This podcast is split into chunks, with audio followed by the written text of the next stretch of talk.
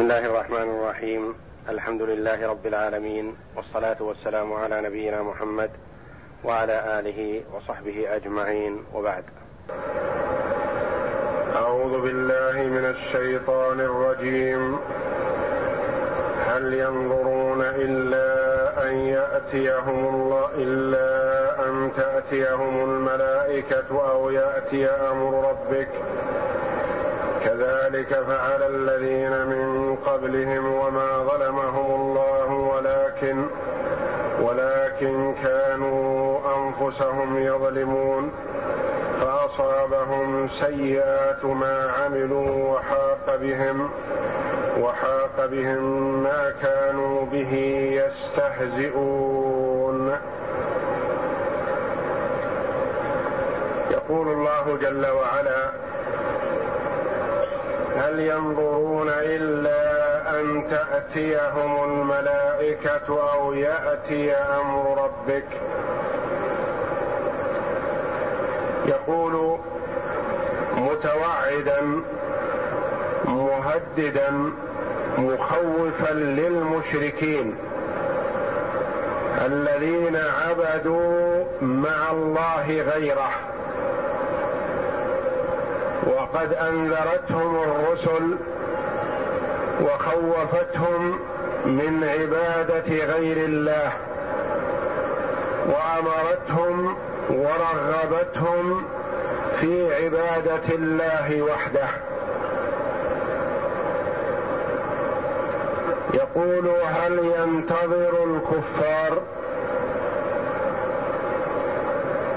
أحد أمرين؟ أن تأتيهم الملائكة لقبض أرواحهم. وحينئذ يندمون فلا ينفعهم الندم. أو يأتي أمر الله بعذابهم واستئصالهم بالعذاب في الدنيا أو يأتي أمر الله يوم القيامة وحينئذ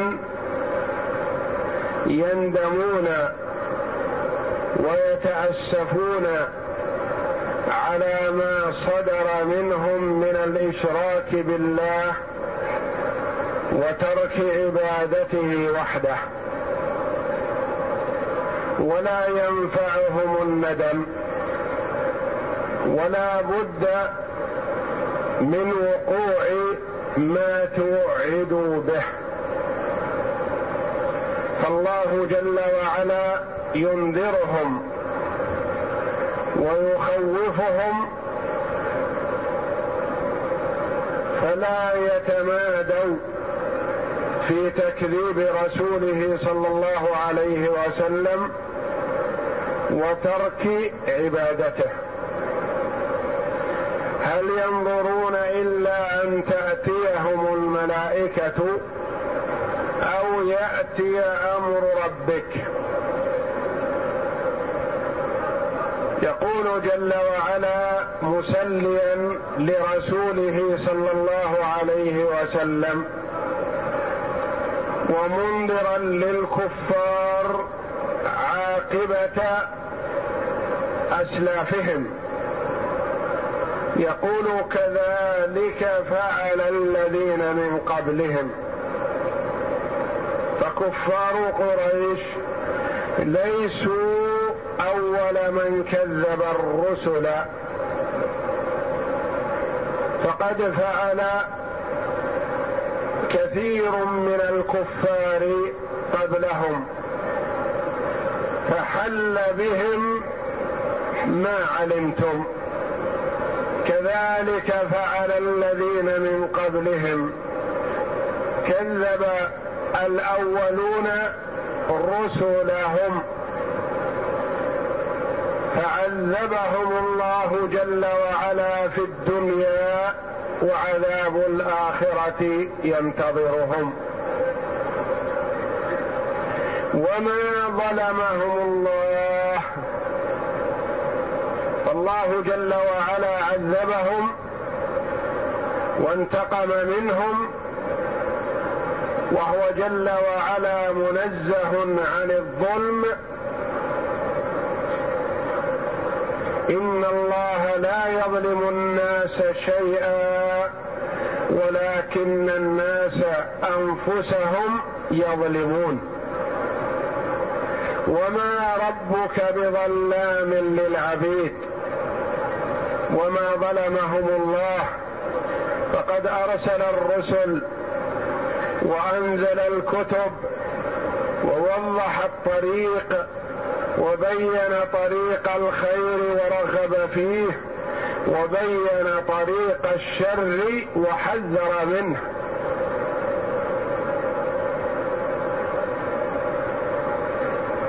فقد أقام عليهم الحجة ولكن كانوا أنفسهم يظلمون.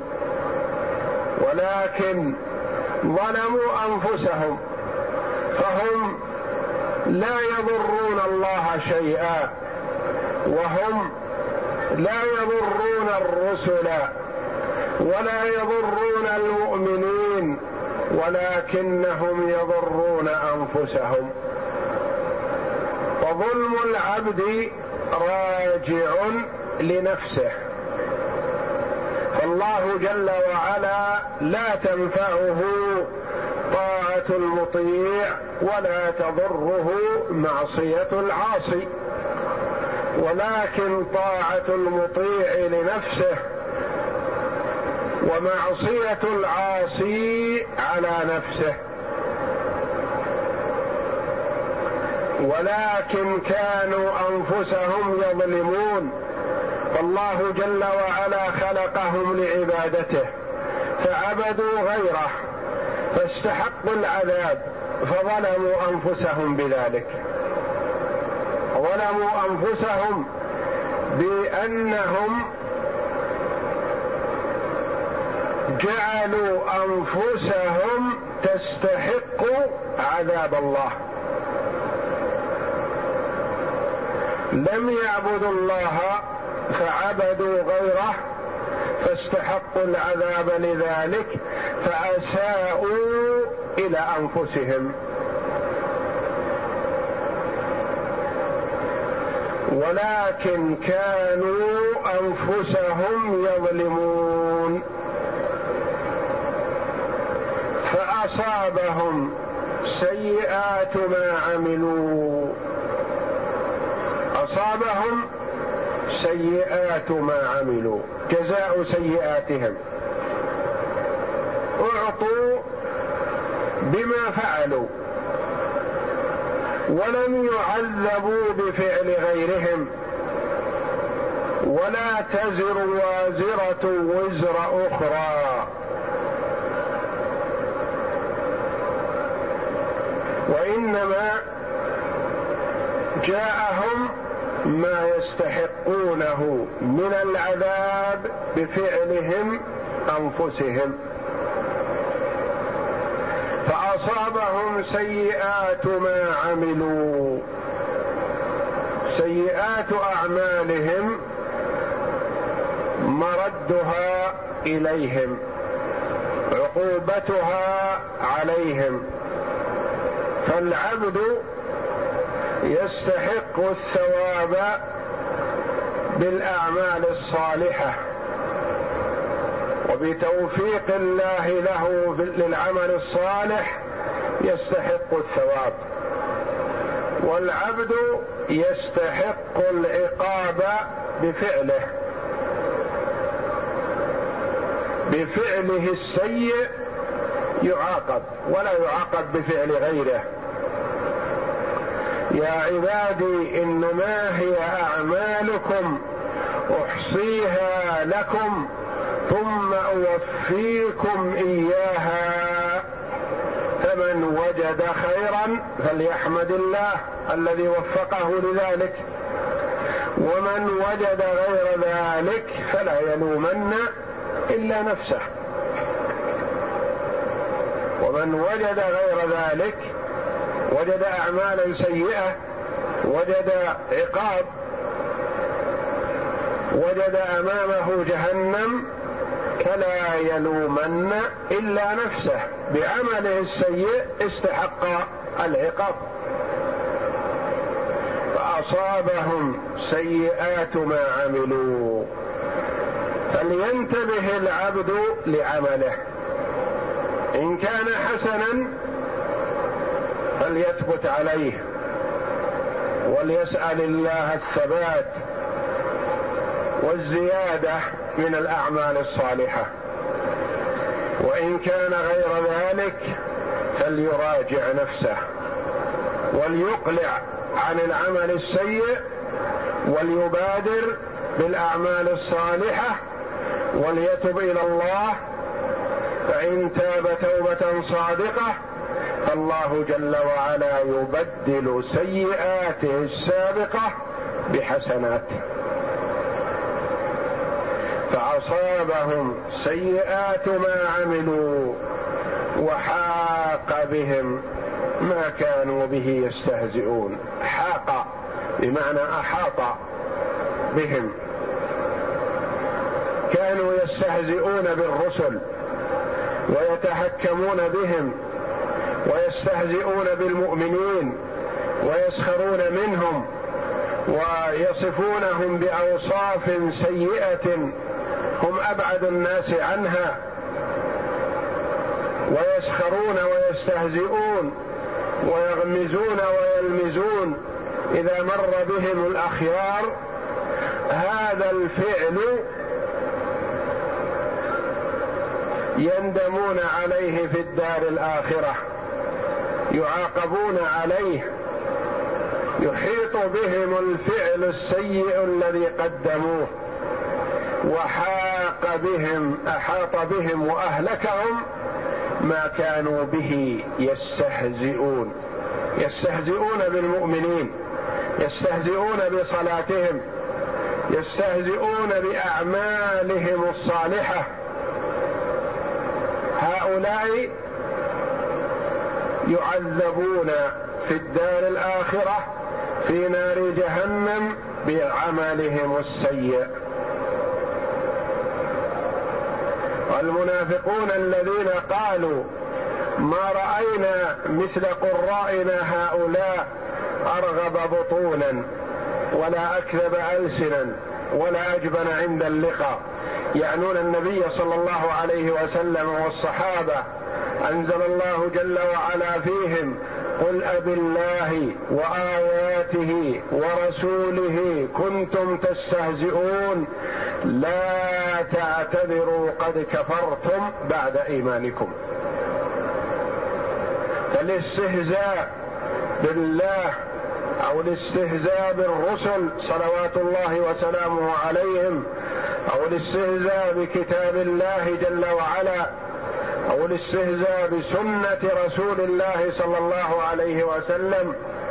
إذا تهكم المرء برجل تمسك بالسنة كفر بذلك والعياذ بالله. لأنه ما استهزأ بزيد وعمر من الناس وإنما استهزأ بدين هذا الرجل وبسنة رسول الله صلى الله عليه وسلم واستهزأ به لتمسكه بكتاب الله فهذا كفر والعياذ بالله. وحاق بهم ما كانوا به يستهزئون. فليحذر المرء من التهكم والاستهزاء بالمؤمنين. ليحذر من السخرية بمؤمن لإيمانه أو بسنة من سنن رسول الله صلى الله عليه وسلم. ليحذر من الاستهزاء باللحية التي هي سنة رسول الله صلى الله عليه وسلم وأمر بها. ليحذر الاستهزاء بالسواك ليحذر الاستهزاء بالصلاة الاستهزاء بالطهارة الاستهزاء بما أمر به النبي صلى الله عليه وسلم من رفع الثياب فوق الكعب ليحذر الاستهزاء بشيء مما أمر به النبي صلى الله عليه وسلم. فيقع في قوله جل وعلا وحاق بهم ما كانوا به يستهزئون والله أعلم.